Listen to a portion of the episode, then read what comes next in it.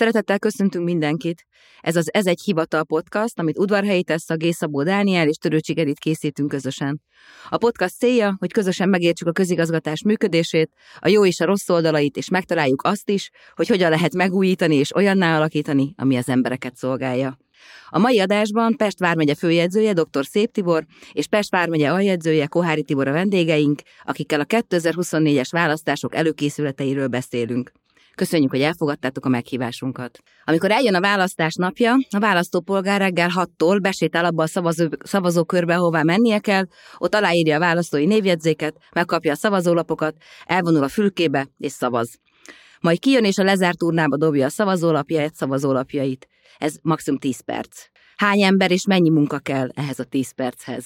Hát egy rendkívül nagy szervezés kell, és rengeteg ember ha képes beszéddel kéne elmondani, hogy a választáshoz mi kell, ugye egyszer van a választásnak a teste, ami az infrastruktúrából áll, számítógépek, programok, helyiségek, urnák, járművek ugye a logisztikához. A választásnak a lelke ugye az a résztvevők, az most a legutóbbi önkormányzati választáson 91 ezer embert jelentett, hogy arányítsuk, ez olyan, mintha Szeged város összes aktív lakója csak ezen dolgozna egy napig. Ugye ez 23 ezer köztisztviselőt jelentett, és 68 ezer laikus, tehát akik a választási bizottságokba vettek részt, önkéntesek. És hát van a, a, a választásnak a szelleme, ugye ami a jogszabályokból áll, alkotmány, választójogi törvény, és így tovább.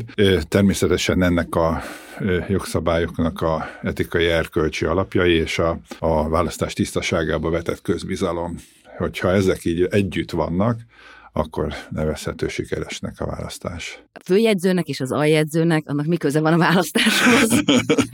hát Tehát igen. akkor el kellene mondani, hogy hogy épül föl, hogy a, mi a legalsó szint, középső, legtetteje, hogy hogyan működik. Ugye hát a, a köztisztviselők, azok a választásban a hivatalból vesznek részt.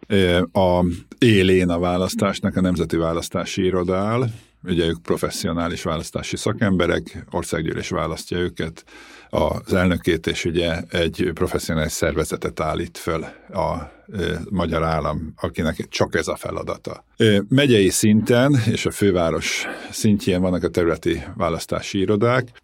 Ez a megyei hivatalokban és a fővárosi hivatalokban dolgozó köztisztviselőkből áll, akik a választás idején ezt a feladatot kell ellássák, és ezeket az irodákat vezetik a megyei, illetőleg a fővárosi főjegyzők. Ennek következő szintje ugye a helyi választási irodák, ami a 3177 település élén kb. 2500 jegyző van, mert ugye vannak köz- körjegyzőségek. Ezek a jegyzők a helyi választási iroda vezetők és az ottani köztisztviselőkből vonják össze azt a csapatot, aki dolgozik. Ez a elő, előbb említett 23 ezer köztisztviselő, aki részt vesz a választási munkába, és mellettük működnek a választási bizottságok, amit ugye helyi testületek, illetőleg az országgyűlés választ. Ezek azok a, azt mondtam, hogy laikusok, de valójában olyan a munka iránt elkötelezett emberek, akik jó részt jogászok, de vannak köztük pedagógusok és más foglalkozások,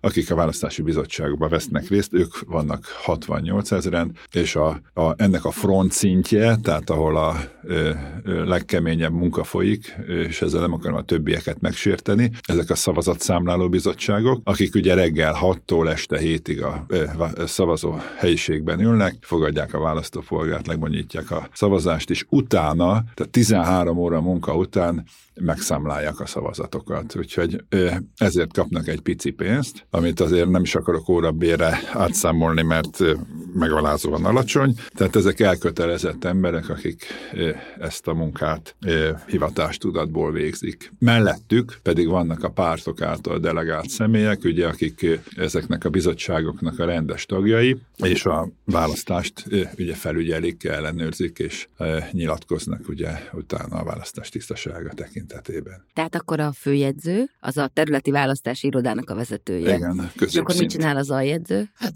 az aljegyző helyettesíti a főjegyzőt, hogyha... Mindent helyette. Mind, minden helyette, igen. hogyha éppen valami elfoglaltsága miatt nem ér rá.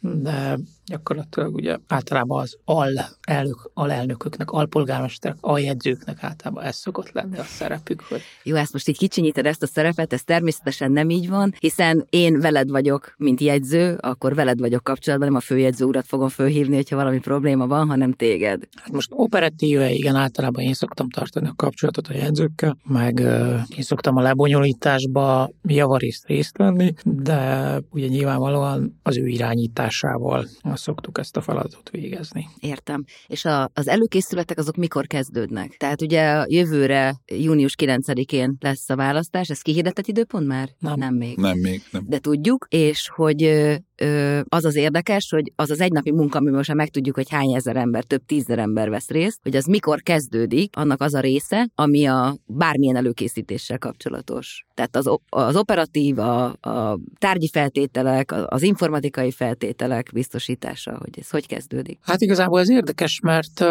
gyakorlatilag ahogy az előző választás véget ér, általában elkezdődik az előkészítés, mert ugye azzal, hogy le kell adnunk a tapasztalatokat, hogy mik voltak a választáson a észrevételeink szerintünk, a hiányosságok, meg ilyenek, azokat ugye feldolgozzák, beépítik általában a jogszabálymódosításba, ugye most is van a VN-nek egy módosítása, ami a tavalyi választás után már megjelent, sőt ugye idén is elfogadtak egy a választási eljárásról szóló törvénynek egy módosítását. Tehát ezért kvázi ez az előkészítés, úgy veszük, egy folyamatosan zajló dolog, és mivel ezt megalapozzák a jogszabálymódosítások, és azt követően nagyjából már egy fél évvel a választás, nem is fél éve, kilenc hónappal választások előtt már gyakorlatilag ténylegesen megkezdődik az előkészítés azzal, hogy a rendelkezésre álló erőforrásokat felmérik, mint például ugye most is uh, már elkezdődött a felmérés, hogy milyen urnák állnak rendelkezésre, hány urna van a településeken, ezeket ugye most, hogy ilyen kombinált választás lesz, több szavazólap lesz, ezeket uh,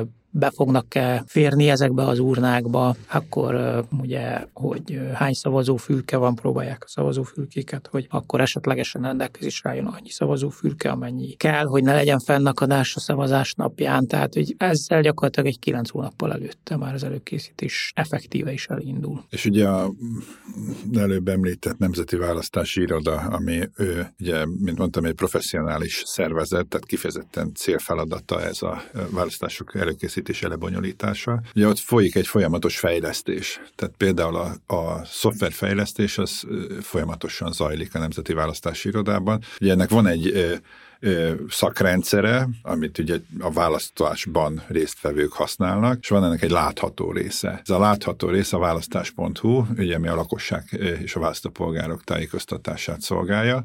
Ez ugye egymásból táplálkozó rendszerekről van szó. Ezeket a felületeket folyamatosan fejleszti a Nemzeti Választási Iroda. Egyrészt azért, hogy a szakrendszert működtető jegyzők és munkatársaik egy könnyebb munkavégzést, áttekinthető munka munkavégzést tudjanak végezni, másrészt pedig ugye a, a tájékoztatásban is olyan adatok jelenjenek meg, amik a érdeklődésre számot tartanak. Tehát ez egy folyamatos munka, gyakorlatilag a helyi szinten nálunk ez abban jelentkezik, ugye, hogy folyamatosan tájékoztatnak minket a változó körülményekről, és megfelelő felkészítés szükséges az emberek köré, vagy a választás lebonyítók körében is. Most ebben a pillanatban mit csináltok? Azért, hogy június 9-én én majd bedobhassam a szavazólapot. Hát most ebben a pillanatban uh, elég sok mindent. Igen, de... ezért kérdezem, mert az én munkatársaim nagyon sok, tehát hogy nekem meglepően sokat dolgoznak már most is a választáson. Igen, mert uh, ugye most uh, zajlik a körzethatárok felülvizsgálata, gyakorlatilag jogszabály szerint ugye november 30-áig a önkormányzati 10 ezer feletti településeknek az egyéni választókerületeiket felül kell vizsgálni, és ugye ennek tegnap járt le a határideje. Ugye itt vannak bizonyos jogszabályi előírások, amiket figyelembe kell venniük, hogy az egyes körzetek között nem lehet nagyobb 20%-nál az eltérés, tehát ezeket folyamatosan figyelik, és ugye ezeket ről a jegyzőnek a tegnapi napig kellett meghozni a határozatot. Ugye, úgyhogy ez egy elég komoly munka, ezzel, kap, ezzel összefüggésben ugye már a szavazóköröket is általában felül szokták vizsgálni, mert a kettő valamilyen formában együtt mozog, illetve hát pont a mai naptól változik majd a döntéshozatal rendje, ugye a automatikus döntéshozatali eljárás lesz a választási kérelmek egy jelentős részénél, illetve azoknál, amiket ö, pontosan megfelelően beadnak, hogy gyakorlatilag már a ügyintézőknek nem kell beavatkozni majd, hanem automatikusan. A, a, ilyen, Ami mérlegelés nem igényelő. ami döntés. mérlegelés nem igényel, így van, azokat automatikusan fogja a rendszer elbírálni, és ugye pont ö, ennek a határideje is a mai naptól él, és életbe lépett, tehát itt ö, ezeknek az előkészítése próbája, tesztelésre zajlott az Akkor ez az, amikor időszakban. te itt azt mondod, hogy éppen most megy az informatikai főpróba, ez az, mert nekem Igen. furi, hogy ki, mi, mennyi idő van, még hét hónap, és főpróbákat tartunk már hét hónappal előtte. Így van, hát ezeket ugye azért Mondjuk én örültem volna, hogyha Balta közel van, tehát azt azért azt belevágtam volna a gépbe, mert hogy természetesen ugye nem ment. Hát ezt tudod, mert ugye a, a,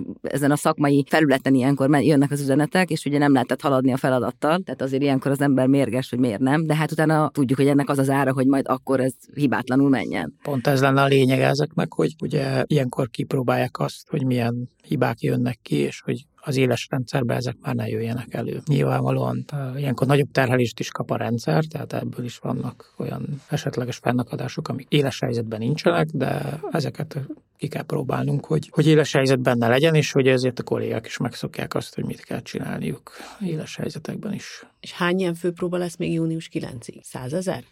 Sok. Sok. Uh, Igen, mert ugye itt most biztos. ugye a, a, még nincs kitűzve a választás, tehát ezeknek a próbáknak nincs olyan típusú tétje, hogy ö, ö, időzavarról lehetne beszélni. Ö, Később, amikor ki van tűzve, és egyre közelebb van a választás időpontja, akkor hasonlattal élve olyan biciklén ülünk, amit közbe szerelünk is. Tehát úgy tekerjük, de, de közbe szereljük is magunk alatt a kerékpárt. De általában így szokott ez lenni, tehát a, a végső kétségbeesés állapotába jutó jegyzői kar a választás közelébe eljut abba a lelki állapotba, hogy, hogy, hogy mi lesz úristen, és a választás napjára pedig működik. Tehát eddig legalábbis a legtöbb esetben így volt, és olyan üzemzavar, ami kihatott volna a választás eredményének megállapítására nem volt. Nem volt. Ezt állíthatom felelősséggel, hogy annak ellenére, hogy néha tényleg drámainak éreztük a helyzetet, mindig a választás napjára működött a, a rendszer, és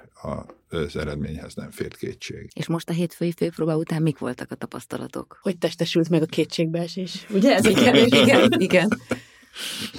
Ö, Amit te is mondtál, ugye a rendszerterhelésből akadóan voltak ö, szerintem fennakadások, de ugye amikor már megtalálták a hiba okát, akkor onnantól kezdve már nem volt szerintem semmilyen probléma. Ugye ez egy éles Ami- tesztelés tulajdonképpen, tehát hogy Nem, végig nem, nem. csináljátok Külön azt, egy amit... próbafelületet, egy próbafelületet hoznak létre a programba, és akkor a próbafelületen keresztül, most például a kérelemkezelés, amit ugye majd hogy automatizálva lesz, azt kellett gyakorolni. És igazából ott kezdődött a hiba, hogy a, amit meg volt adva a feladatba, az rosszul volt rögzítve az, hogy mikor kell a kérelem beérkezése és a kérelem rögzítése. Mert hogy a beérkezés volt a forgatókönyvbe későbbi időpontra, mint a rögzítés, hát nyilvánvalóan nem lehet, és ugye az rögtön meg kellett cserélni, tehát hogy az volt, ami, ami hiba volt benne. De hát ez szerintem elég sok mindenki rájött, hogy ez nem jó, és akkor úgy csináltam, hogy rögtön hibát jelzett, hogy nem jó az időpontja a kérelem beadásának és a érkeztetésének. Tehát, hogy ez Lehet, ilyenek. hogy direkt csinálták így, hogy Hogy észrevett, hogy nem jó. Igen. Ja, Hogy szemfülese eléggé a jegyzői És a rendszer, hogy észreveszi -e maga a rendszer, hogy a két, de a rendszer a észrevette. két dátum közötti eltérés. Mert én először, amikor elolvastam, én azt gondoltam, hogy, hogy, hogy hát úgy kell csinálni, hogy le van írva a forgatókönyvbe, és akkor hibát jelzett, akkor rájöttem, hogy utána még egyszer, hogy akkor ez itt tényleg valami nem jó, és akkor megcseréltem, és utána már jó volt, tehát hogy hibát jelzett. Akkor lehet, hogy direkt ott tényleg.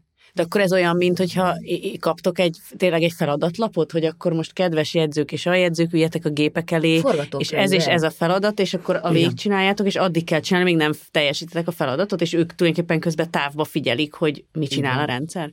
Tehát forgatókönyv, ami olyan szinten van, hogy előtte két nappal ülj le a gép elé, szebben írva, szebben megfogalmazva, és kapcsolt be. Tehát nézd meg, be tudsz-e lépni. Tehát, hogy ilyen szinten, hogy működik-e rendesen az összes felület, be tudsz-e lépni, tudod-e magad azonosítani, mert ugye ez hányszoros biztosítek, nem tudom, mi, a személyigazol, két faktoros. Tehát, hogy ilyen nagyon tuti, és elő szokott fordulni, hogy már az se indul, tehát, hogy el se indul. Tehát ezért van leírva, hogy két nappal előtte kapcsolt be. Bocsánat, nem akarom itt befolyásolni a beszélgetést, csak most a, a, ugye a, a kicsit olyan, mint a természetfilmet elmesélni rádióba, tehát a felület látványa nélkül egy kicsit. De, Na jó, de hát ez egy podcast, tehát most Igen, nem, sajnos képeket nem tudunk csatolni. igen, azért mondom, hogy mert hogy a, a számítógépes felületeken mit látunk és mit kapcsolunk át, ez Abból a szempontból lehet mi érdekes. értjük, az biztos, de, De abból a, a szempontból lehet érdekes, amit a Tessa kérdezett, hogy ugye most Ja. mi éles felületen gyakorlunk, tehát hogy magába, de hát, hogy nem, nyilván nem, Nem, ez hanem hogy van egy egy külön gyakorló, tehát ez gyakorló még nem a- felület. És akkor ebben most például egyszerre részt vett mindaz a 21 ezer ember? Vagy 23, akit említettél? Tehát, hogy ez egy olyan, amikor Nem, mert ez az informatikai része ez az csak. informatikai, persze. Tehát ezt ö, alapesetben az, aki kezeli az anyakönyves gépet vidéki, vidéki helyeken, és akkor az ül ott. Tehát ez gyakorlatilag hivatalonként mondjuk egy-két ember, igen. igen. Pár Tehát ez ezer. a 2200, ugye körhivatalokkal, amúgy 3002, ugye? Vagy Hogy Igen, mondjuk? 3100. 3177. Igen, tehát akkor a 3177 szer egy vagy kettő, attól függ, hogy valahol ketten vannak, tehát ez ennyi ember volt. És annak van jelentősége, hogy azt mondtad, hogy az anyakönyves gépeket, mert ezek olyan gépek, amiket nem bármilyen számítógépen lehet csinálni ezt a munkát, hanem adnak speciális gépeket. Így van, így van, tehát ez Csak spéci azért gép- kérdezem, mert spéci- ezt nem mindenki tudja. Igen, spéci neten, tehát hogy az is olyan, ami Ez egy, közvetlenül vagyunk összekötve, így van. ez egy szakrendszer, amit teljesen biztonságilag el van határolva a többi rendszerektől. Tehát ez a, ez a dolog lényege, hogy nem, nem férhető hozzá sem a hivatalon belüli integrált rendszerről nem lehet hozzáférni, sem pedig kívülről pedig pláne nem. Igen, és ez, ugye ezt kapjuk azzal a, azzal a, tehát ez gyakorlatilag a központi nyilvántartós, tehát minden, minden olyan adat, ami ötös biztonsági faktor, azt hiszem úgy van a jogszabályban, ugye? Vagy négyes, nem tudom pontosan. Tehát a legmagasabban van benne, tehát hogy ezt, ez, ez olyan, ami gyakorlatilag teljesen szuper biztonságos. Szuper, köszi, most már értek. Most már sztorizhat. Igen. Hát a különleges sztori az, az, ami érdekel a választással kapcsolatban, és akkor én nekem, a, hogy felvezessem ezt, akkor elmondom az enyémet, hogy eh, választás napján reggel fél hatkor megy a szavazatszámláló bizottság, hogy előkészüljenek a hat órási kezdésre, és kiderül, hogy az iskola kapujához, ami gyakorlatilag reggeltől estig nyitva van, és szombaton is nyitva volt, amikor én utoljára ott voltam és ellenőriztem, mint helyi választási iroda vezetője, és eszembe se jutott, hogy a kulcsomon, amit kaptunk, azon nincsen ehhez kulcs. Ez természetesen vasárnap reggel fél hatkor derült ki, hogy az iskolának a kapuját nem tudjuk kinyitni, tehát a kertkaput, amivel bemegyünk a kertbe. Magához az épülethez már volt kulcsom, és ezért azt gondoltam, hogy a, ők teljesen kétségbeesve telefonáltak, hogy akkor most mi lesz. Azt mondtam, hogy oda megyek, bemásztam, hogy akkor hát, ha az épületben már bemegyek, akkor már ott hát, ha lesz kulcs, persze nem volt, a gondok nem vette föl, meg ki az, aki vasárnap reggel fél hatkor fölveszi a telefont, és ö, én meg attól rettegtem, hogy ugye a hat órakor, amikor hogy sikeresen elkezdődött a munka, akkor nekünk kell egy ilyen, ugye, telefonálni kell? Igen, a, a, Hát ez nem telefonálni, jelezni. Jelezni. Igen, hogy van-e valami fennakadás. És az levegett a szemem előtt, hogy úristen, én nekem azt kell majd mondanom az aljegyző úrnak, hogy nem tudtuk kinyitni, mert nem volt kulcs, és hogy ez milyen válasz, hogy azért, mert nincs kulcs, nem kezdődik el a szavazás. És akkor utána volt ilyen ötleteim, hogy akkor a kocsimmal, hogyha belököm a kerítést, ami kő, akkor az egy kicsit így háta úgy kinyit. Tehát, hogy voltak ilyen vészforgatókönyves megoldások, hogy mi legyen, de szerencsére a gondok végül felvette a telefont, és 6 óra 5 perccel úgy, tehát még jó, hogy be volt rendezve, tehát egy szombaton úgy csináltuk meg, hogy ne kelljen már vasárnap reggel vele variálni. Ez volt a szerencse, mert ugye 6 órakor megjön az első szavazó, tehát hogy ez nagyon necces. És tényleg megjön az első szavazó? Hatkor. Mind. Mindig van egy ember, aki hatkor akar szavazni? Így van. Néha többen is sorba állnak, akik első szavazók akarnak lenni. Ja, mert ez egy státusz első szavazó. Igen, igen. Egyrészt hát meg neki plusz feladatai vannak. Tehát ő egy nagyon-nagyon fontos ember, az első szavazó. Nem tudtad, hogy miért? Nem. Nem, akkor a jegyző nem elmondja, hogy miért. Én bevallom, soha életemben voltam első szavazó. Tehát én, a, én később szavazok egy picit. Én se kelnék fel ezért, de... Hát igazából csak annyi a dolog lényege, hogy neki alá kell írni a jegyzőkönyvet, hogy leellenőrizte az urnákat, minden üresen állt, és akkor utána az ő, ő jelenlétébe fogják lezárni a házi az urnát, és akkor utána ő az első, aki bedobja a szavazólapját, és akkor ezt le kell dokumentálni. És a jegyzőkönyveken is. ajándékot? Nem, ha csak nem első szavazó, egyébként első szavazó, ugye az első szavazó kora miatt első szavazó. Igen. Hogyha igen, az is lehet, hogy valaki dupla első szavazó.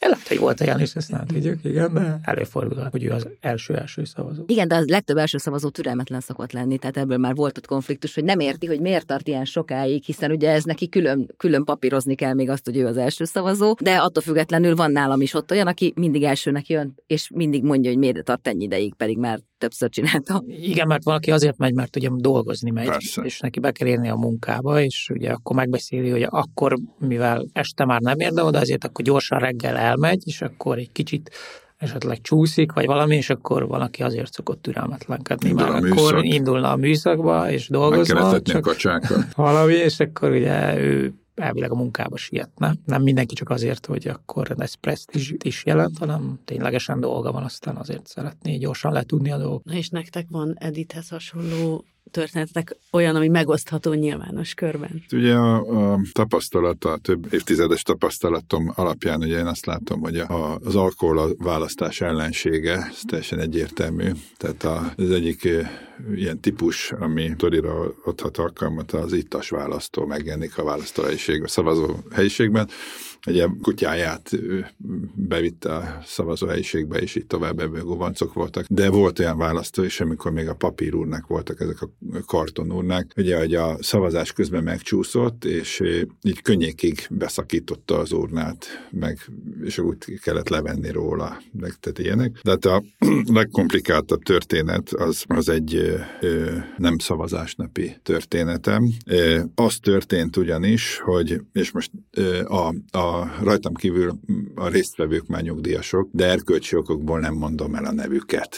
És az történt, ugye egy, egy önkormányzati választás volt, ahol is amikor megkapták a jegyzők a kinyomtatott szavazólapokat, az derült ki, hogy viszonylag kevés szavazólap készült. Most az önkormányzati választáson nagyon ritka az 50% feletti részvétel, de azért az az 50% körüli állátottság, amit kaptak, tehát a névjegyzékhez képest 50%-nyi szavazólapot, az veszélyesen kevésnek tűnt. És a jegyzők telefonáltak minden irányból hozzám, hogy kérjünk utángyártást, ezt lehet kérni, az állami nyomda állítja elő a szavazólapokat, és akkor mi ezt összegyűjtöttük, hogy legalább 60-65 el legyenek látva a jegyzők. Én ezt elküldtem az akkori választási felettesemhez, aki ezen nagyon fölháborodott. Nagyon csúnyán összevesztünk telefonon, és az következett, hogy azt mondta, hogy hát, hogyha ezek a szavazólapok hiába lesznek legyártva, akkor én ezt mind meg fogom enni. Hát én ezt nem fogadtam el, és hát mondom, csúnya veszekedés lett belőle.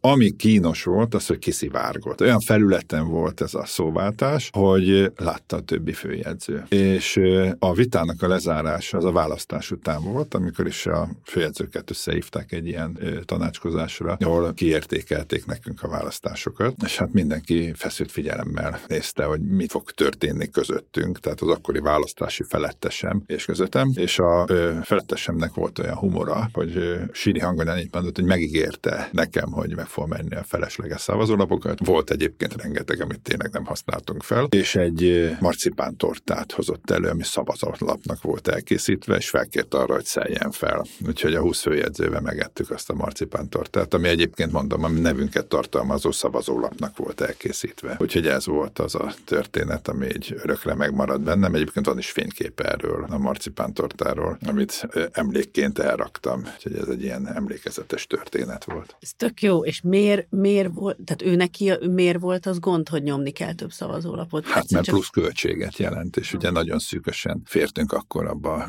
a választásba. De, de lehet, hogy előáll olyan helyzet, hogy nincs elég szavazólap. Nem, azért gyártattuk le ezt a gyártást, mert olyan helyzet nem állhat elő, mert hogyha az megtörténne, az egy, az egy jogilag teljesen kezelhetetlen helyzet. Hát nem, nem lehet fénymásolni. Nem lehet fénymásolni, nem lehet helyben előállítani. A választás tisztasága abban a pillanatban megkérdőjelezhető lenne. De nekem az is meglepő, hogy jó, nyilván én most nagyon naivan állok ehhez hozzá, de hogy én őszintén nem gondoltam, hogy nincs annyi szavazólap, ahány szavazópolgár, választópolgár. Tehát én azt hittem, hogy mindenki, tehát hogy annyi van legyártva, hányan vagyunk, és akkor ezek szerint nem, tehát hogy nagyjából megtippelik, hogy mennyi lesz az, ami. Becsülhető. Tehát tapasztalati adatok vannak erre, és ezért meg, meg lehet becsleni a részvételt. Azért az országgyűlési választáson ez nincs így, tehát ott azért több szavazólap van, mint ennyi választópolgár, de a, a önkormányzati választásoknál, meg egyebeknél egy megfelelő biztonságos szintre be van lőve. Mert ugye meg kell találni az optimumot a, a, a költségek uh-huh, és a pazarlás. választás uh-huh. biztonsága között. Tehát ez egy, ez egy, mert utána a szavazólap azért semmire nem használható, meg kell semmisíteni. Tehát ez nem kóvályog, amit így elrakunk emlékbe és bekeretezünk, tehát azért ez nem így megy. Ha a választópolgár hazaviszi magának, mert emlékbe akarja, az lehetséges, de ami a, a, a hivatalok kezén marad, azt meg kell semmisíteni. Persze, persze megvan az az időintervallum, ami után például. És a szavazólapok azok hogy kerülnek oda hozzánk?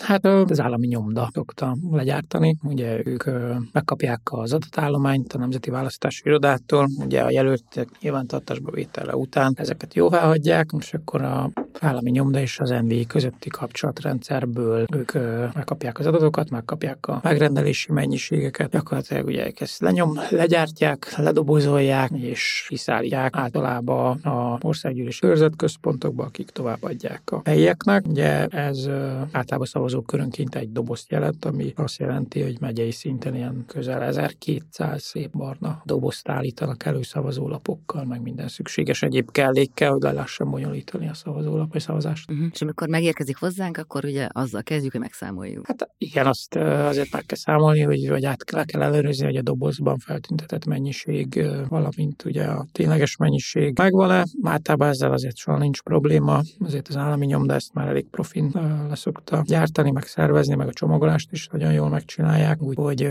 ezeket leellenőrzik, és utána szépen elzárják, hogy addig, amíg a szavazatszámláló bizottságnak nem adják át, addig szépen zárt helyen legyen, hogy senki ne férjen hozzá. És ezeket valami speciális járművekkel szállítják? Tehát, hogy nem tudom... Igen, fegyveres biztonsági őr kísérletébe szokták szállítani, és ugyan nekünk is csak úgy lehet átadni, hogy előtte ele van adva, hogy ki fogja átvenni. Még igazolvány száma mindennel, és csak annak adják át, akit előzőleg le lett egyeztetve, hogy ki fogja ezeket ezeket átvenni. És olyan mondjuk előfordulhat, hogy rossz doboz érkezik valahova, szóval hogy megérkezik egy doboz, és nem azokkal jelöltek vannak rajta, akik oda tartoznak? Ö, nem emlékszem, nem, nem emlékszem, hogy bármikor ilyen lett volna. Mert azért akkor, és amikor a 23 ezer embert mondjuk, akkor őket, azokat nem számoljuk bele, akik például ezt az egész szavazólapos dolgot csinálják, nem? Tehát az egész nyomdai apparátus, aki ezt az elképesztő precíz munkát csinálja, hogy ennyire ez sok helyre, ennyire sok papír megfelelő időben és helyre és emberekhez eljusson. Tehát ez még egy sok-sok ember, aki ezt csinálja. A a, 90-95 ezer ember az a választásnapi állomány, akik még ebben részt vesznek, az állami nyomdások, meg a egyéb résztvevők logisztikában azok nincsenek benne. És egy, a, az, hogy a szavazó, csak egy egészítést szerettem volna mondani, hogy az, az, hogy a szavazóköri doboz korrekt legyen, azt úgy csinálja az állami nyomda, hogy akik beleválogatják a szavazóköri dobozba az anyagot, annak még egy kis bilétán fel van tüntetve a neve, tehát hogyha valami gubanc lenne a szavazóköri doboz összetételével, akkor pontosan lehetne tudni azt, hogy ki volt az, aki összerakta ezt a dobozt. Tehát magyarul egy, egy felelősségi rendszert is beépített az állami nyomda a szortírozásba, pontosan követhető, hogy, hogy inspirálja azokat az embereket, akik ezt válogatják. Nagyon pontosak mert, legyenek. Hogy nagyon pontosak legyenek. Igen, ez csodálatos dolognak tartom amúgy azt, hogy ez a rendszer hogy épül fel, és hogy hány ember dolgozik azért, hogy ez akkor, amikor oda megyek és x és bedobom, azzal, tehát hogy gyakorlatilag összehangolva dolgozik aznap, ugye akkor 90... 91 ezer 91 volt a legutóbbi választás. Igen, plusz még akik ugye előtte az előkészítésben vettek részt, és hogy ez mind ugyanazért a célért dolgoznak. Tehát én azt gondolom, hogy eh, ilyenkor mindig meg is szoktam hatódni, hogy azért a, tudom, hogy nem mindenki köztisztviselő, de hogy ez a köztisztviselői étosznak az része. Tehát azt, hogy igen, mi ebbe beleállunk, és mi ezt mindannyian csináljuk. És ezt szerintem én ezt felemelőnek tartom, nem tudom, ti tartjátok-e? Én nekem, én oda vagyok ezért. Én ezt nagyon szeretem csinálni, mert jó látni, nem a végeredményről beszélek, hanem arról, hogy az egészet hogyan, hogyan van lebonyolítva, és hogy, hogy, hogy ember munkája, és tökéletes a vége mindig. Abszolút egyetértek, és amikor nekem, amikor először volt egy ilyen rádöbbenésem arra, hogy húha, ez mennyire sok apró munkával jár, az az volt, amikor azért voltam felelős, hogy, hogy a szavazatszámláló bizottságokban az ilyen állampolgári delegáltaknak milyen étkezési igényeik vannak. Mert felhívott engem a akkori 8. keleti aljegyző, hogy szedjem össze az összes érzékenységüket, mert akkor ő úgy fogja megrendelni a kaját neki, és azt gondoltam, hogy atyavilág, hogyha így ez, még er, erre is oda kell figyelni, ezekre a részletekre, legyen nekik enni, legyen olyan enni, amit tényleg, szóval csak, hogy, hogy ennyire részletekbe menően nagyon-nagyon sok ember dolgozik azon, hogy ez a rendszer így összeálljon. Igen, és az a szerencsé, hogy a szavazatszámláló bizottságokban azon a szinten azok már azok nekem is például összeszokott tehát ugye, a, ugye akit a szavazatszámláló bizottság tagjait a képviselőtestület választja az állandó tagokat, és ugye vannak a delegáltak, amit a pártok delegálnak évek óta ugyanaz,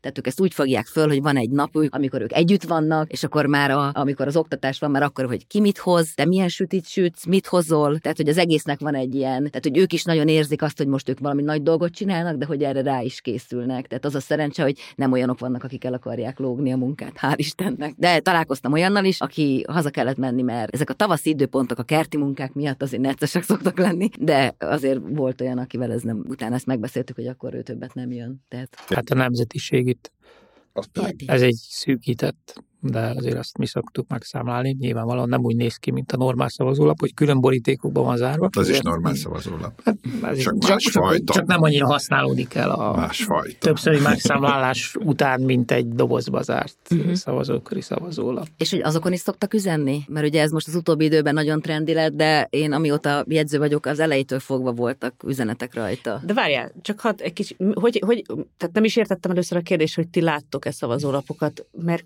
hogy ne lát látnák? Vagy a, mert... Hát a, azt, hogy elfejtettem azt, hogy ők a nemzetiségi ők számolják, meg a megyeinél, mikor újra számolják, akkor azt ők számolják. De mert, de mert ti nem látjátok azt, amikor a szavazatszámláló bizottság nem. számolja, a szav, tehát a szavazólapokat csak a szavazatszámláló bizottság látja. Így tehát ez, ezért merül fel ez a kérdés, hogy látnak-e szavazólapokat. Így van, tehát hogy nem is, nem is láthat egyikünk se, én se láthatok. Én azért látok, mert uh, az enyémek azokat az ilyeneket már úgy kötegelik, hogy legfelül legyen, amikor behozzák, mert hogy vannak rajta olyanok mindig, amik érdekes üzenetek, meg vicces dolgok, és akkor, hogy ez a, a bizottság tagjai ezt így nagyon várják az ilyen üzeneteket, meg a rajzokat. Mert hogy ti a választási bizottsággal ültök, mint jegyzők és aljegyzők. Csak azért, mert szerintem ez nem világos, hogy kik számlálnak, kik hol ülnek, ki kicsoda. Tehát ti miért nem vagytok mindenhol ott? Hát a választás napján a felelősség a szavazatszámláló bizottságnak az elnöké és az ott lévő tagoké. A jegyzőkönyvvezető, aki köztisztviselő, ő nem a szavazatszámláló bizottságnak tagja, ő a munkájukat segíti. Én, mint a választási iroda vezetője, én egy külön épületben vagyok mindegyiktől teljesen függetlenül, és hogyha valamelyik választópolgárnak problémája van, nem abban a szavazókörben van, miért nem ott van, nem kapott ö, értesítőt, hogy hova kell neki menni semmi, akkor oda jön, és ott megkapja az irányítást. Ők ugyanúgy ott egy külön épületben vannak, hiszen más, más, más településen, és ők szintén nincsenek kapcsolatban, ugye a, se a szavazatszámláló bizottsággal, se a, hanem ők ugye a szolgálati út az ilyenkor az, hogyha nekem valamilyen problémám van, akkor én az aljegyző úrnál jelentkezem. És akkor utána a szolgáltatót nem tudom tovább, hogy utána ő nyilván főjegyző úrnál, és akkor utána, hogy hogy megy tovább, az ugye az nyilván akkor a probléma nagysága. És ugye, a probléma nagyságától függ, igen. Ez, ez topográfiailag úgy néz ki, hogy ugye van az ezernél több szavazóhelyiség. Ezek iskolák, óvodák, szociális otthonok, bármilyen olyan ö, nyilvánosság számára megnyitott helyiség, ahol a szavazás lebonyolódik. Ott ül a szavazatszámláló bizottság, Pest, megy, Pest megyéről beszélek most, hogy ezernél több szavazóhelyiség van, és a, a jegyzőkönyv vezető, aki köztisztviselő. Ők ö, helyben számolják meg a szavazatokat, mikor megállapítják az eredményt, kitöltik a jegyzőkönyvet, a szavazólapokat kötegelik, és az urnát lezárják. Közben, mindeközben 150 jegyző ül a saját hivatalában, ők a HVI vezetők. Helyi, választ, helyi Tehát a helyi választási iroda vezetők. Ők ugye a következő szint. Mi a megyeházán ülünk a saját hivatalunkban, a területi választási iroda munkatársai vagyunk. Ugye mi koordináljuk a, az egész feladatot, és tartjuk a kapcsolatot a Nemzeti Választási Irodával. Hogyha a Nemzeti Választási Irodában valami történik, valami utasítás keletkezik, azt mi közvetítjük lefelé. Ha valami esemény történik, akkor annak kezelésébe konzultálunk a jegyzőkkel, vagy hogyha valami komolyabb történés, akkor ugye a eseményt jelezni kell a Nemzeti Választási Iroda felé. Tehát így, így néz ki az egész dolog. Ilyen módon a jegyző sem látja a szavazatszámlálást, azt, az, azt a szavazatszámláló bizottság bonyolítja le, és zárt helyiségben a sajtóképviselő jelen lehet, de nem zavarhatja az eredmény megállapítását. Akkor sajtó mik a, többet lát, mint ti. Így van. Mik hát, a garanciák? Ugye az a garancia, hogy ott van helyben ugye a jelöltállító szervezetek, pártoknak a delegáltjai, akik teljes jogú tagjai az SSB-nek, és szavazatszámláló bizottságnak, és részt vesznek a szavazatszámlálásban, tehát a pár delegált ott ugyanolyan jogosítványokkal rendelkezik, mint egy szavazatszámláló bizottsági tag, akit a testület választott meg. Ő maga részt vehet, kezébe veti a szavazólapokat, megnézheti, és így tovább. A jegyzőkönyvvezető pedig ül, figyel, és kitölti a jegyzőkönyvet a ö, szavazatszámláló bizottság ö, ö, határozata alapján. Tehát ez a menetrend. És utána bekötegelik ezeket, visszazárják az urnát, és úgy kerül beszállításra őrzött helyre az urna. És mennyire szeretnek a köztisztviselők jegyzőkönyvvezetők lenni a szavazatszámláló bizottságokban? Gondoltam. Mindenki imádja. Gondoltam, hogy ez a ke- ugye mindenki nem. tömegesen jelentkeznek most, rá, hogy Most az látszólag cínikusan hangzott. De nem. Egyébként a állandó helyük van általában. Általában ismerik a szavazatszámláló bizottsági tagokat, és egy összeszokott, hogy milyen munkakapcsolatban vannak. Tehát én azt láttam, én voltam települési jegyző is azért merem ezt mondani. Csongrád megyében három helyen is, Ásodhalmon, Kistelken és Makón, mielőtt Pest megyébe jöttem volna főjegyzőnek. Gyakorlatilag mindenütt állandó helye volt ezeknek a jegyzőkönyvezetőknek, és általában ismerték egymást, és ő is benne, ők is benne voltak ebbe a ki milyen süteményt hoz körben. Tehát elkötelezett, és mondom, kifejezetten jó kedven végezték a dolgokat. Igen, tehát hogy ez, ez nekem is, mondjuk nem is nagyon tudnának azt mondani, hogy nem. Tehát, hogy ez ugye egy kis létszámú hivatalban azért nincs az, hogyha te nem, akkor majd valaki más, mert valakinek csinálni kell. De általában is mi minden egyes alkalommal úgy szoktuk, hogy ugye azon a vasárnap reggel, amikor kezdődik a választás, akkor mi ötre jövünk, ugye fél hatkor mennek ki, és akkor öttől a jegyzőkönyvvezetők, meg én, akkor van még egy ilyen külön, hogy, és akkor mindig úgy szoktam őket elengedni, hogy megfűk egy egymás kezét, és akkor, hogy akkor hajnalba találkozunk, vagy nem, attól függ mondjuk most, nem tudom, sokáig fog tartani, önkormányzati az mindig sokáig tart a számolás. Tehát olyan éjfél felé találkozunk, tehát hogy ez, hogyha belegondoltok, akkor ugye reggel ötkor mennek ki, és éjfélkor érnek vissza, és akkor ugye ott, akkor kezdődik még az a rész, hogy én közben rögzítem a jegyzőkönyvekből az eredményt a, arra a felületre, ami majd a választás.hu-n fog látszódni, és akkor utána pedig, amikor ez megtörtént, akkor én a jegyzőkönyvekkel, illetve a kinyomtatott, amit én berögzítettem azokkal a papírokkal, elmegyek, ahova nekem ilyenkor közvetlenül mennem kell, ez pedig a, igen, tehát a országos egyéni választás. Mi a neve? Mi a neve még egyszer? Országgyűlési egyéni, egyéni választókerületi iroda oda kell mennem, és utána pedig, mikor onnan visszajövök, akkor pedig azt szokottam csinálni, hogy üzengetek a Tibornak, hogy mikor mehetünk haza, tehát ez szokott Mert lenni. a Tibor engedelt titeket, tehát Igen. övé a szó. Akkor Igen. lehet hazamenni, amikor a Tibor azt mondja, hogy vége? Igen. Hát igen, azért meg szoktuk nézni, hogy nincs benne valami hiba, amit már a rendszer eleve jelez, mert azért...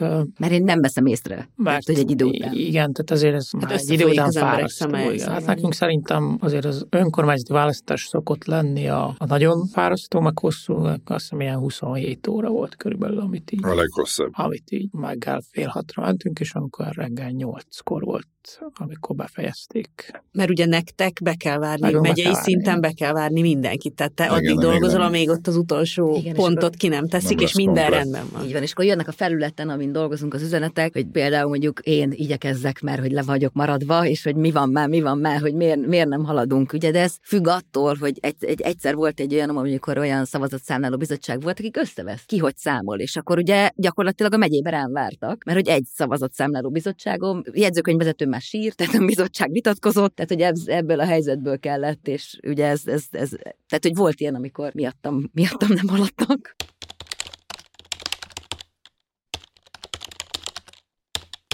És mi történik a háttérben egész nap a, így a hivatalokban? Mert ugye a választók a választás napján annyit érzékelnek, hogy elmennek szavazni, és utána vagy egész nap unatkoznak, vagy egész nap izgulnak, és igazából semmi nem történik az ő szemszögükből. Tehát, hogy ülnek emberek egy asztalnál, mennek az emberek választani, de nem történik semmi. De én azért azt érzékelem, hogy a háttérben, a hivatalokban ehhez képest egy ilyen őrültek háza van, főleg amikor lezárulnak az urnák, és akkor hát utána... napközben is van, azt ugye Tibor mondja, hogy mit kell csinálni napközben napközben? Hát napközben ugye, amik megjelennek részvételi adatok, ugye azokat a szavazókörökből gyűjtik össze. Tehát kvázi két óránként, amikor leadják a részvételi adatokat, akkor azt jegyzők a szavazókörökből gyűjtik össze ott a kollégákkal bent, Ugye erre általában egy ilyen fél óra szokott lenni, de hát ott azért, ahol egy 40-50 szavazókör van, az azért elég hosszadalmas, és ugye azokat az informatikai rendszerbe berögzítik, és ugye az kerül ki a választás.hu, választás.hu honlapra, hogy akkor mennyi volt a 7-kor, 9-kor, 11-kor éppen, mikor a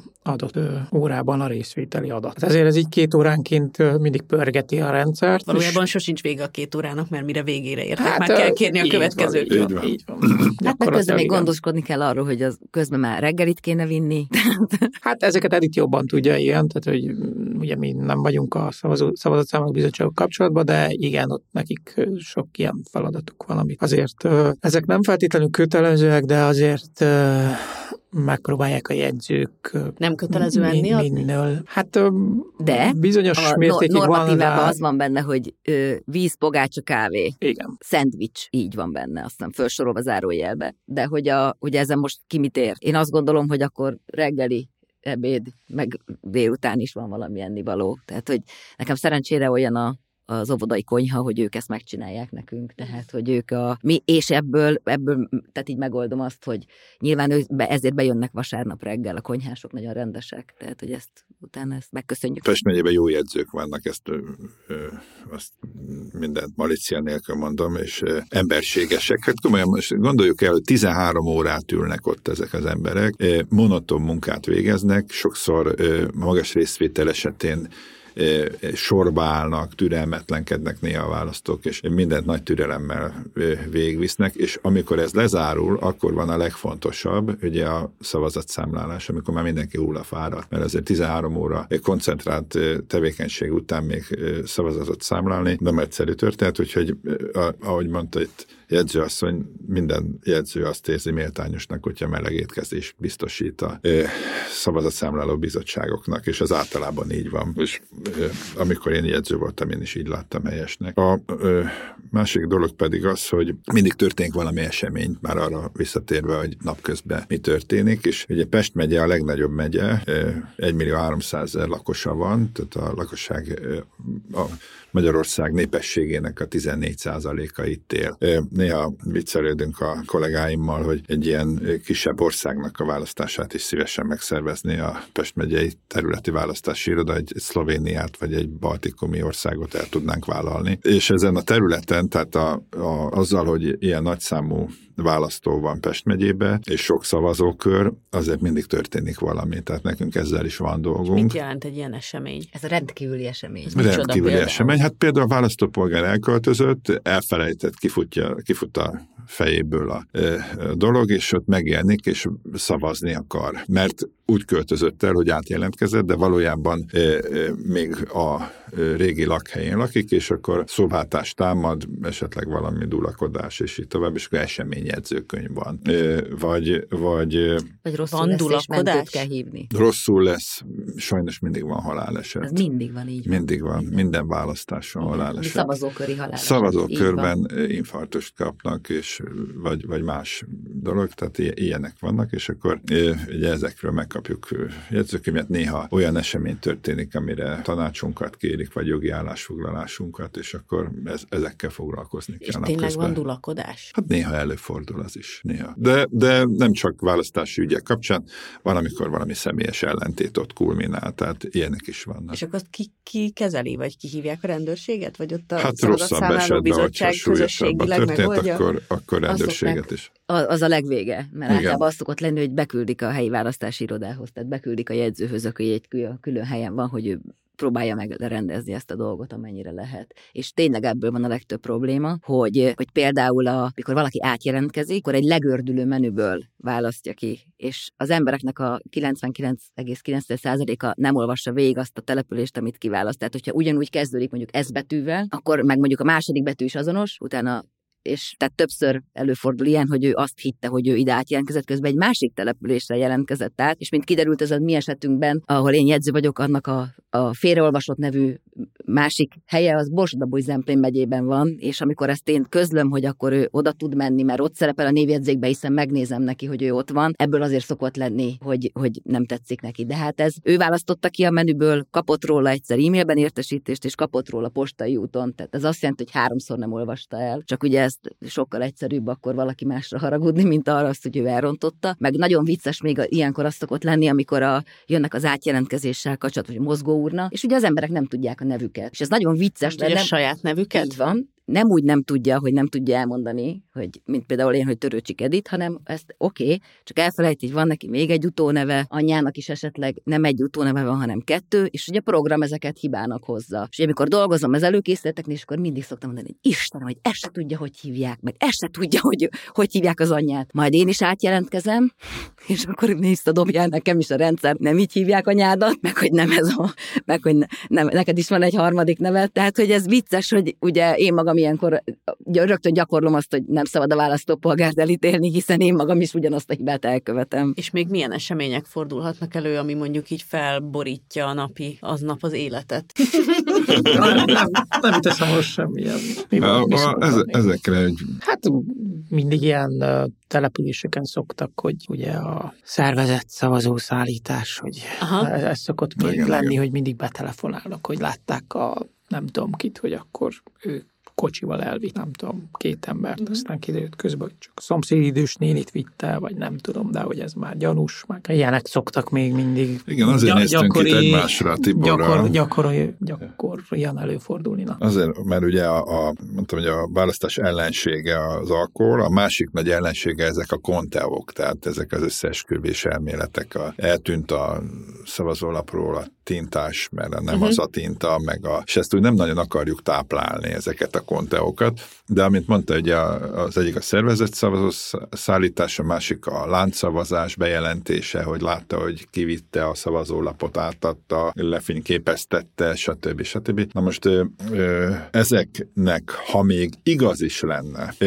a, a szervezése, meg a, meg a hatása, tehát a számossága miatt egyszerűen nem éri meg, meg hogy 5000 forintot fizettek egy szavazatért, vagy mit tudom én, mit. Tehát így, e, ezek szoktak így felmerülni, ezek az összesküvés elméletek. Azért mondom, hogy nem éri meg, mert, mert egyszer lehetetlen egy, például egy ilyen láncszavazásba is olyan nagy mennyiségű plusz szavazatot előállítani, hogy döntően befolyásolja a választást. És ezért van az, hogy én ezekben nem nagyon hiszek. Hát Tehát, vannak olyan, vannak olyan ö, választókerületek, ahol 5-10 szavazaton múlik az eredmény, ott lehet, van, hogy van persze, értelme. csak ezt ne, nem lehet előre tudni. Tehát nagyon ritkán tudni előre, hogy melyik az, ami ilyen nagyon szoros. Tehát nem azt mondom, hogy teljesen kizárhatóak ezek a dolgok, de az, hogy ezeknek a tömeges előfordulása döntően befolyásolja a választást, ezt, ezt nem tartom valószínűnek. Tehát ezek a, tehát általában az ilyen összeesküvés elméleteknél ugye az a, most nem akarok itt belemenni ilyen elméleti fejt fejtegetésekbe, de ugye vannak sokan, akik kétségbe vonnak tudományos tényeket. Teszem azt, hogy ember járt a Holdon. Ugye ez egy nagy szervezés kell, hogy ezt megszervezzék, és annak a valószínűsége, hogy ez a több ezer ember, akit a Földön eljátszott a holdutazást, abból nem akad legalább egy, akiben a lelkismerete olyan szinten működik és felébred, hogy erről részletesen beszámoljon, ennek azért kicsi a valószínűsége. Tehát, hogyha a választási csalások tömegesen előfordulnának, legalábbis annyiszor, ahányszor ezt bejelentik hozzánk, akkor találkoznom kellett volna olyan Pest megyei polgárral, a sajtóban például, aki ezt elmeséli. Mert annak a valószínűsége, hogy ezek mind befogják a szájukat, és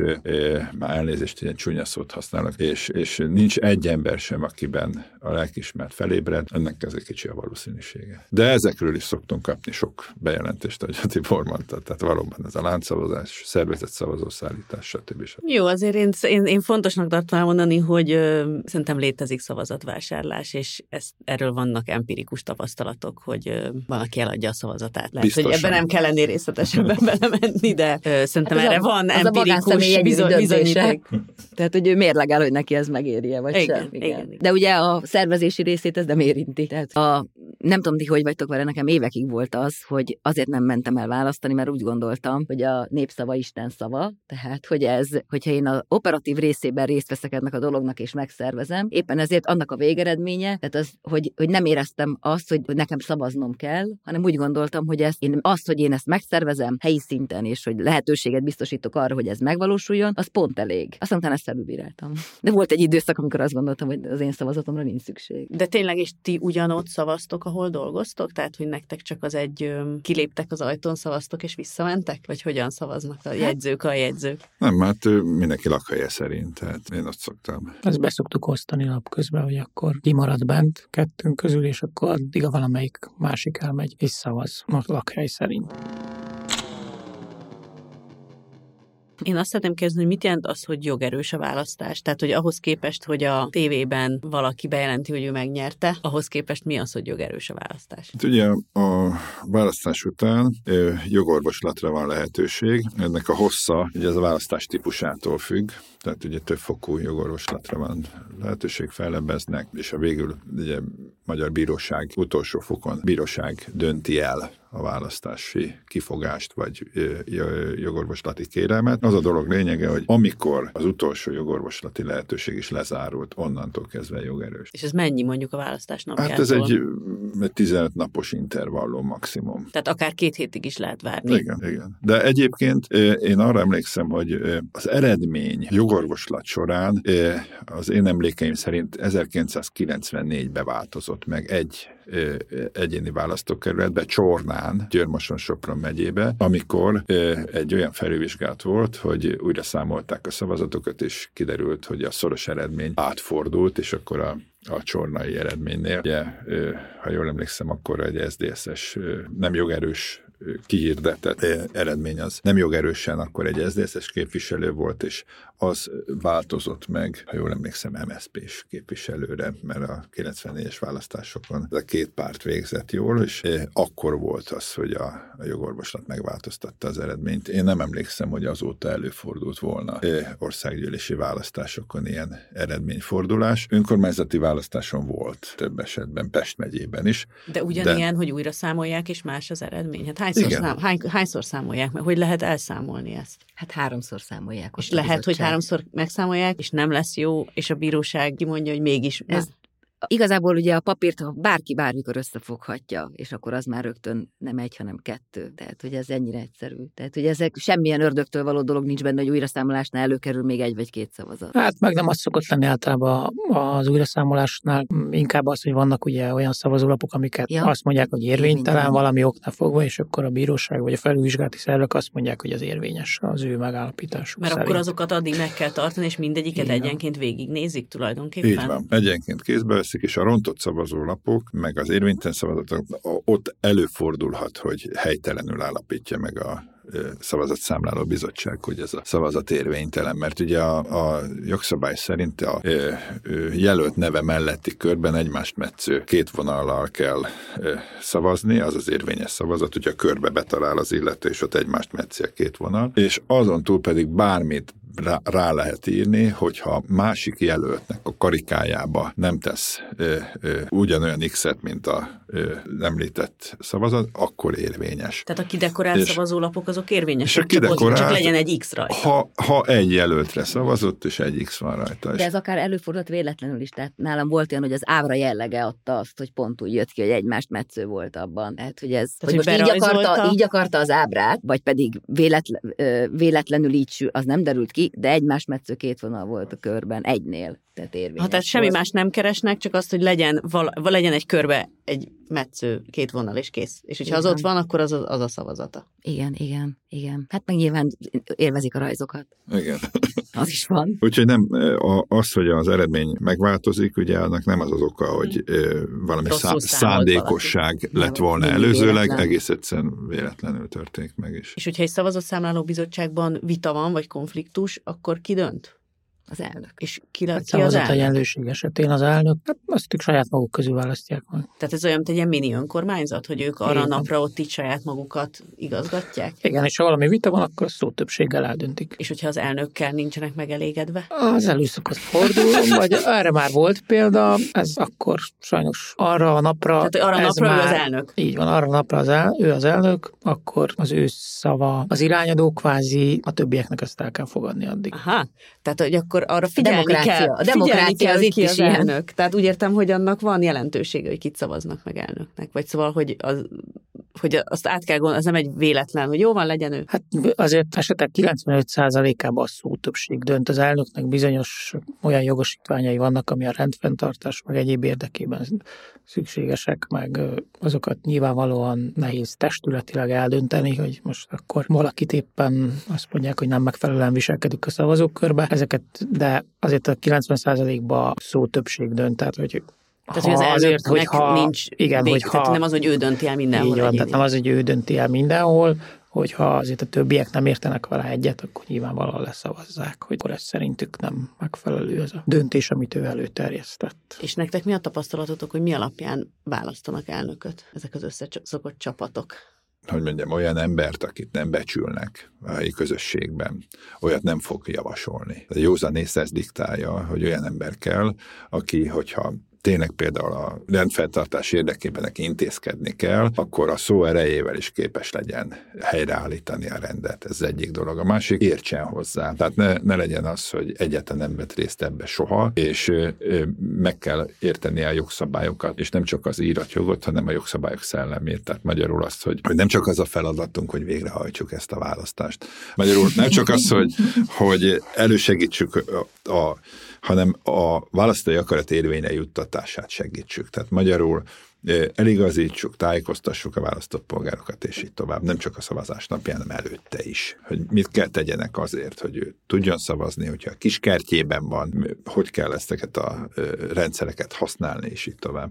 Na most egy bizottsági elnöknek is így kell tudni viselkedni. De adok arra az, hogy az egész ilyen áttekint transzparens legyen, hogy akkor, amikor a jegyzőkönyvről én rögzítem, a, az én magam csinálom a programba, akkor nekem a önkormányzatinál a helyi választási bizottságok ott ülnek benne az irodámba, és én azt is engedem, hogy ott legyenek, és hogy nézzék. Azért, hogy ezzel ne legyen, ne legyen az, hogy most én nem tudom, mi történik. Nem értik úgy, hogy mi történik ott, mert ugye ők azt nézik, hogy a, diktálja nekem a kolléganő, hogy a S, ugye a kód, kódját annak a rubrikának, de ugye akkor is ő is nézheti. Ott van a helyi választási bizottság végig, hogy ne az legyen, ugye mert volt egy ilyen időszak, hogy a, addig, ameddig a jegyzőkönyvek elkészülnek a szavazatszámláló bizottságba, majd beérnek ugye a helyi választási irodába, és hogy ott közben még az online rendszerbe kerül, az ott esetleg valaki valamit csinál, és én azt akartam, hogy lássák, hogy itt a jegyzőkönyv, amit a SSB elnöke odahoz, de ott ül ő is, és akkor diktálják, és akkor úgy rögzítem szépen, hogy mindenki lássa. Most bejött még egy, még egy ilyen csoportosulás, szóval, hogy, ed, hogy beszéltünk a szavazatszámláló bizottsági, szavazatszámláló bizottságról, akik a pártoknak a delegáltjai, és ők, az az ő napjuk. Tehát, hogy ott ők, ők számolnak, és ők fogják megmondani, hogy mi az eredmény, és jól értem, de majd Igen. javítsatok ki. És akkor van ehhez képest a választási iroda, ami meg a hivatal, és tulajdonképpen a infrastruktúrát biztosítja, és akkor van a választási, a helyi választási bizottság. Na, ők kik? Ők a politikusok? Nem. Ők a politika? Nem. Ki a HVB? Hát, hát a HVB ugye az, a, a, aki a tulajdonképpen szavazóköri eredményeket összesíti például a polgármester választásnál. Mert ugye a szavazókörökben ugyanazokra a polgármester jelöltekre szavaznak, de az adott szavazóköri eredményt állapítják meg. Az, hogy valóban megállapítható legyen, hogy ki a te adott településen a polgármester, ki nyert, ott a jegyzőkönyvek alapján összesíti az eredményt a helyi választási bizottság, és ő jegyzőkönyvezi. Tehát gyakorlatilag ők azok, akik a összeszámolt szavazatok alapján kiállított jegyzőkönyveket összesítik és megállapítják például a polgármester választás eredményét. Igen, tehát a szavazatszámláló bizottság tényleg csak számol, és akkor a HI választási bizottság pedig kimondja tulajdonképpen, az hogy ki nyert. látják. És abba kikülnek. Abba a képviselőtestület által választott tagok és a delegált tagok, ugyanúgy, mint a szavazatszámláló bizottságnál. És ők akkor, amikor önkormányzat és polgármester választás van, akkor ők egész napot vannak ugyanúgy velem a a helyi választási irodában, tehát ők egy másik irodában, vagy néha velem, attól függ, hogy milyen kedvük van, akkor ők ott vannak végig, és akkor ők követik azt, hogy a összes problémát, ugye, hogy olyan van, akkor eléjük kell vinni. Hát az ilyeneket, hogy a rendkívüli esemény történt, tehát hogy ők is fontos, nyilván nem döntenek ebben, hanem, hanem hogy tájékoztatják, hogy tájékoztatjuk őket, hogy mégis mi történt, ennyi. Hát vannak, amikben ők döntenek, hát igen, kampánycsendsértés, igen vagy valamelyik jelölt ugye. Nem megfelelően kampányol, tehát ők már nem csak, nem csak az eredményt állapítják meg azért, hanem nekik az előkészítésben is van terepük, mert a jelölteket is ők veszik nyilvántartásba már, tehát ők nézik meg, hogy akkor azok, amiket megfelelőek nyomtatványok, megfelelő a ajánló, ajánlás mennyisége, meg ilyeneket, tehát ezeket mind ők ellenőrzik már az elején, és akkor ugye a magába a kampányba is, ha bármi olyan dolog van, amit a másik jelölt megkifogásol, akkor ezt ők bírálják el első körben helyben sőt, ők döntik el a sorsás alapján, hogy a szavazólapra a polgármester jelöltek hogyan kerülnek föl.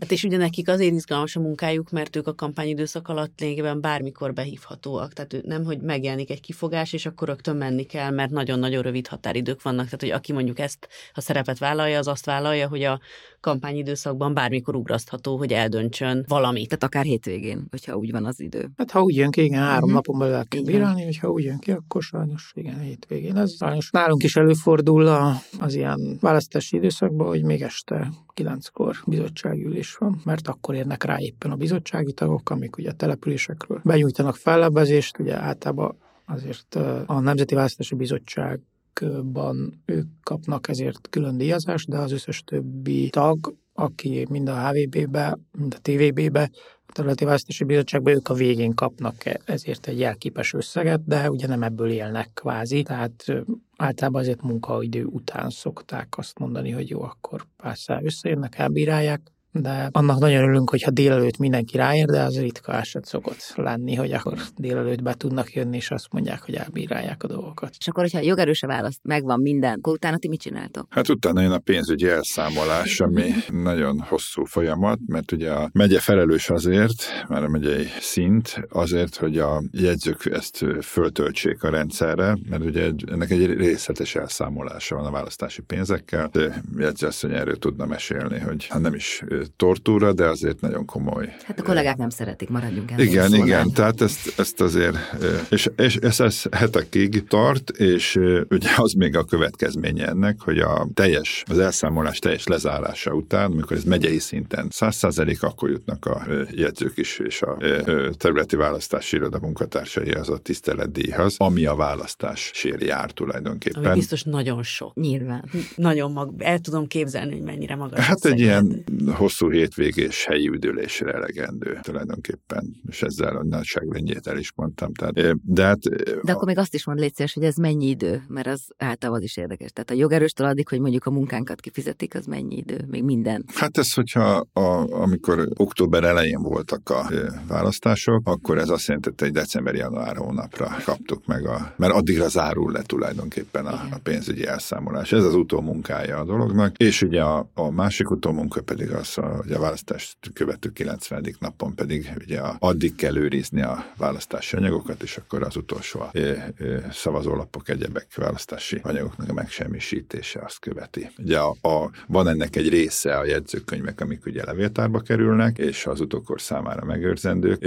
A szavazólapok meg egyéb dolgok ugye azok megsemmisítésre kerülnek, mert ez egy olyan mennyiséget jelentene, hogyha megőriznénk, hogy gyakorlatilag óriási kapacitást igényel az őriztetése. Vagy. És ezt mindenki maga semmisíti meg, vagy ez is ilyen központi, mint a nyomda? Azt mindenki maga, tehát erről szóló jegyzőkönyveket kell megküldeni, és akkor ez egy hidearián keresztül egészen a Nemzeti Választási Irodáig kerül ez a történet. Vagy hogy így zárul a választása tulajdonképpen. És mint hallottuk a műsor elején, elindul a következő választásnak az előkészítése. Nem, az a, az a, nem a 90. nap után, hanem gyakorlatilag Másnap. a választás után egy, a tapasztalatokról egy összegző jelentést kell készítenünk, tehát az a választás után közvetlenül van, ezt jegyzőtök, jegyzőktől szerezzük be az alapinformációkat, és a saját tapasztalatokkal kombinálva elkészül, és ebben benne van ö, szakterületenként, tehát logisztika, informatika, választási igazgatás, és így tovább. És akkor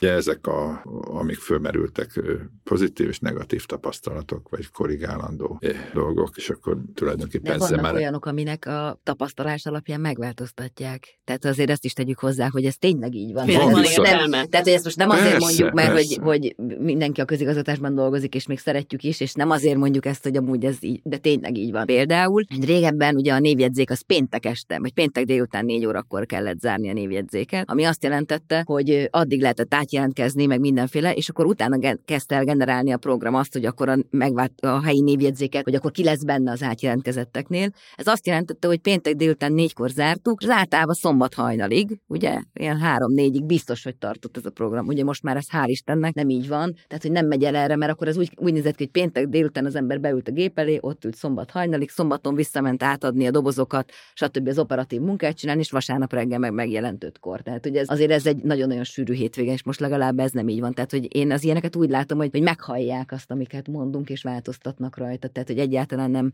nem ilyen embertelen módon működik a dolog. Tehát ez nagyon fontos nekem. Igen, tehát ezek hasznosulnak, tehát valóban visszacsatolás van. A Nemzeti Választási Iroda ezekről a tapasztalatokról nagyon sok törvénymódosítást kezdeményezett, amik aztán célba is értek. Például ilyen volt a névjegyzék valóban.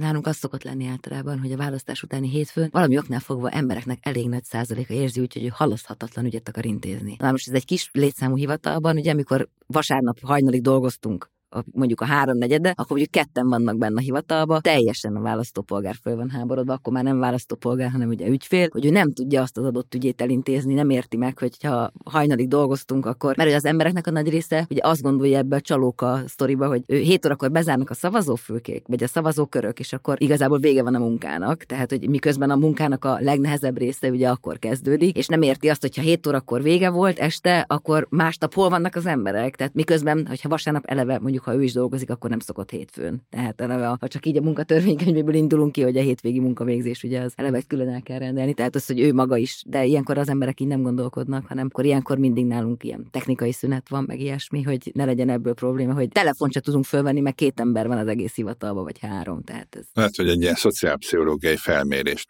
érdemes lenne készíteni erről, ugye egy, egy átlagos hétfőt megnézve, több átlagos hétfőt felmérni, és a választás utáni hétfőt. Mert lehet, hogy nem több az ügyfél, csak akkor egy is soknak tűnik, ugye? Tehát ez a, a tűrés határa a jegyzőknek olyan mértékben lecsökken, mert ugye én is voltam községi jegyző Ásodhalmon, és arra emlékszem 94-ben, hogy, mi, hogy éreztem én is magam, mert ugye ö, akkor még a jegyzőkönyveket be kellett vinni a megyeszékhelyre, Szegedre vittük be, ahol ilyen kilométeres sorok álltak, és úgy kellett átvetetni, mert ugye papír alapon ment még akkor a választási javarészt. Tehát még az, és visszafelé pedig nem én vezettem, hanem egy kollégám, és még ordítva kellett a fülébe beszéljek, hogy el ne aludjon, mert annyira fáradtak voltak mind a ketten, a hét szavazókört lejártuk kétszer a nap folyamán, és még a beszállítás és a stb. és egy gyönyörű szép reggelre értünk vissza Ásodhalomra. Tehát, és akkor nyitott a hivatal, és szintén jött ügyfél, és arra emlékszem, hogy én az első ügyfélnél azt éreztem, hogy idegösszeroppanást kapok, tehát pedig én nagyon nyugodtnak tartom magam, legalábbis az önképem szerint. Tehát lehet, hogy az egy ügyfél is sok akkor hétfőn.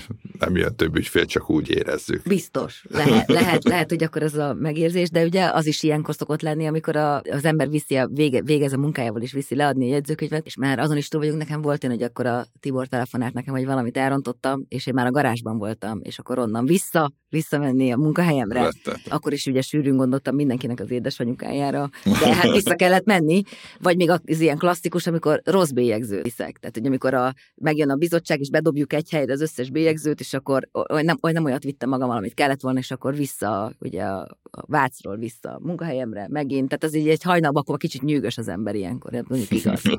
Igen. Én még most már így a végéhez közeledve csak még egy ilyen utolsó kérésem van, hogy ugye ennek a műsornak az a cím, hogy ez egy hivatal, és ugye azon kívül, hogy ezek, ezt a választ, ezeket a választásokat le kell bonyolítani, azért valójában ezek hivatalok, ahol amúgy megy minden ugyanúgy, tehát pont ugyanúgy vinni kell mindent, és hogy ezt hogy bírják el ezek a hivatalok. Mert ugye én azt látom nálunk, hogy ugyanazok végzik a választási munkát, mint akik amúgy már amúgy is végzik a napi nyolc vagy akár annál több órás munkájukat, és ehhez képest a választás az mindig csak egy plusz dolog. Szóval ezt hogy, hogy lehet ezt csinálni, mit jelent ez a köztisztviselőknek, hogyan, hogyan bír el ezzel egy hivatal, hogy egyszerre kell a sima munkamenetet csinálni, és egyébként még egy választást is lebonyolítani. Hát szerintem azért, mert szeretjük ezt a munkát. Tehát én, én legalábbis mindig szerettem a közigazgatásba dolgozni. Nem gondoltam egyébként, hogy ezt fogom csinálni. Ha egy ilyen személyes dolgot el lehet mondani, hogy a 80-as években, amikor Szegeden egyetemre jártam, akkor Budapestre sokszor feljártunk kulturális programokra. Ez, ez lehetett Sziámi-Sziámi koncert a Rádai Klubba, vagy, vagy lehetett a Katona József színházban mondjuk az Übű király Sinkóval, és Básti Julival, tehát hihetetlen nagy színészek játszani, Szacsvai volt, Bugris Láb királyfés. Tehát, és akkor a, ez a Petőfi utcában párhuzamos Városház utcán mentünk éjszaka, és ott ovális táblán láttam kiírva, hogy 87-88 körül, hogy a Pest megyei tanács, meg a Pest megyei tanács VB, és arra tisztán emlékszem, hogy az jutott eszembe, hogy én biztos nem ülnék hivatalba. Tehát semmi esetre se. Tehát nem jogi munkát, hogyha végzek, biztos, hogy nem leszek köztisztviselő, mert ez egy, ez egy borzasztóság, egy élve eltemetkezés. És a rendszerváltás után, eh, amikor végeztem, 91-ben eh, nem volt más lehetőségem, nekem édesapám nem volt jogász, tehát nem ülhettem be mellé ügyvédi irodába. Először is a Szeged megyei jogú város illeték hivatalába helyezkedtem el, mint kiszabó. Ez nem túl lélekemelő munka, de más lehetőség nem volt. Még a rendőrséghez tudtam volna elmenni akkor, az meg pláne nem tűnt perspektívikus dolognak, és akkor onnan mentem ki először községi edzőnek, és onnantól kezdve kezdtem el élvezni. Nem azért, mert vezető lettem, hanem azért, mert az a közigazgatásnak az idegen légiója. Tehát gyakorlatilag olyan, ahol mindent de találkozik az ember, és mindent meg kell oldani, és ö, emberekkel kellett foglalkozni, és embereket kellett vezetni. És ez engem érdekelt, és megszerettem. És azóta azóta, tehát a, ez kicsit hosszadalmas volt ez a válasz, tehát azért csinálom, mert szeretem, és a választás után is azért veszi fel az ember a fonalakat, mert érdekli, amit csinál. Úgyhogy ennyi. És szerintem a legtöbb kollégám így van, mert most a Tibor saját történetét saját maga mondja, és ne is, nem is akarom befolyásolni, de, de, de majdnem mindenkivel már húsz éve együtt dolgozom. Tehát ebbe a hivatalban nagyon hosszú ideje dolgozik, nagyon felkészült emberek, és, és ennyi. És a másik Tibor, tehát a úrnál azért érdekes a történet, mert ugye itt négyen ülünk az asztalnál, akik négyen azt mondják, hogy teljesen véletlenül keveredtünk ebbe bele. Én hasonlóképpen tudom, hogy a teszta is hasonlóképpen. Én aztán főleg. De hogy a Tibor ugye államigazgatási főiskolára járt, tehát ő eleve elrendelve volt neki azt, hogy ez akkor lesz a szerette. Már akkor szerette.